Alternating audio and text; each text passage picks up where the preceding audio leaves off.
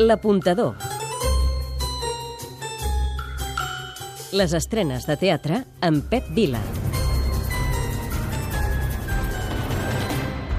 Nova York, 22 de febrer de 1961. Benvolguda Miss Crawford.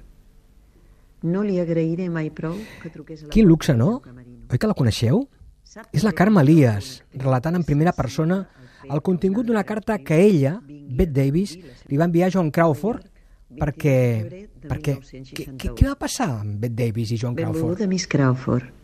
No li agrairé mai prou que truqués Aquesta és la gran aposta de la setmana de l'apuntador. L'aposta de l'apuntador. Tres motius per veure-la. Que una altra actriu vingui a descobrir la seva feina. El primer, Per la història, dues grans actrius de Hollywood, la Davis i la Crawford, que en la seva època baixa van protagonitzar aquell famós thriller cinematogràfic que se n'ha fet de Baby Jane.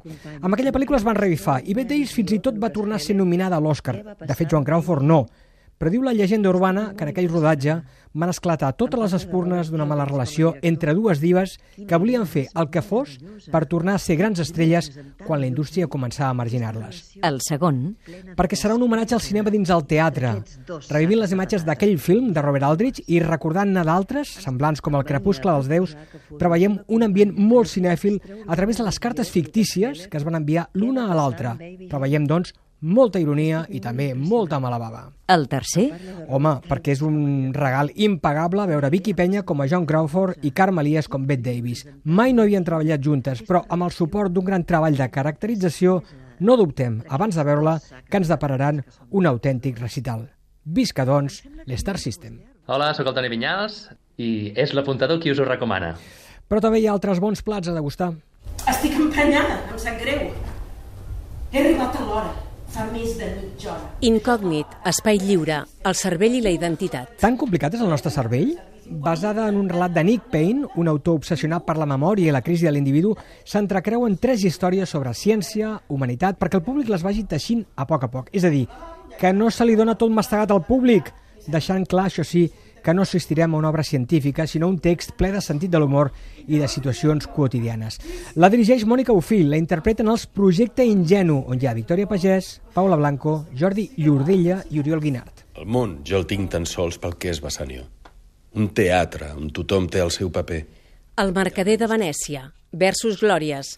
Benvinguts, dau al sec. Naixement, doncs, d'aquesta nova companyia, amb aquesta nova versió de l'obra de Shakespeare, amb 14 escenes per quatre actors, en què desapareixen alguns secundaris per il·luminar amb més força la línia central de l'acció. A Venècia, doncs, conviuen la usura, la riquesa, l'odi de cultures i la utilització perversa de la justícia. Aquesta obra, doncs, activarà una complexitat de punts al voltant de la turbulenta expansió del poder econòmic i el seu impacte en les relacions humanes. És també una mirada sobre la gènesi del capitalisme i el naixement de la banca, passant de la comèdia a la tragèdia i aturant-se en la ironia. Tot plegat, un clàssic. Demasiado tarde, Badabadoc. Preguntes, preguntes. Monòleg que explora les sensacions de l'ésser humà, que qüestiona la missió de l'home, la d'elaborar un temps i un espai que mai no ha elegit un mateix i que busca aprofundir en les decisions individuals. Dirigida i interpretada per l'argentí Nicolás Yando, només la podreu veure de l'1 al 3 de març. Ai, per cert, per cert, no us perdeu la reposició d'Aca a la Villarroel. Es tracta d'una obra imperdible. Les recomanacions. És veritat que vaig estar en un lloc d'aquests una temporada després d'una petita depressió que vaig fer. La reina de la bellesa de l'Inein, Biblioteca de Catalunya, passa la vida davant la mullada Irlanda. Morin i la seva mare mantenen una relació tòxica al petit poble de Linein, on tothom es coneix. L'arribada de Pato podria ser que canviés la seva vida, o potser no. El millor. La malèfica Marisa Josa, esclavitzant la filla, la Marta Marco, mortificant-la, enganyant-la. Però ella no es quedarà enrere. El pitjor. La pluja i l'ambient claustrofòbic calen l'espectador. Un moment per recordar. Qualsevol dels moments, o enfrontaments, millor dit, mare-filla. I també el repartiment coral, molt encertat. Les dues actrius ja esmentades, més l'Enric Auqué i l'Ernest Villegas. En definitiva, Doncs que per molt idíl·lic que sigui el paisatge, el verd, les vaques, fins i tot si hi ha mal rotllo entre la gent, doncs ja has begut oli. Hola, sóc Pere Arquilloé i és l'apuntador qui us ho recomana.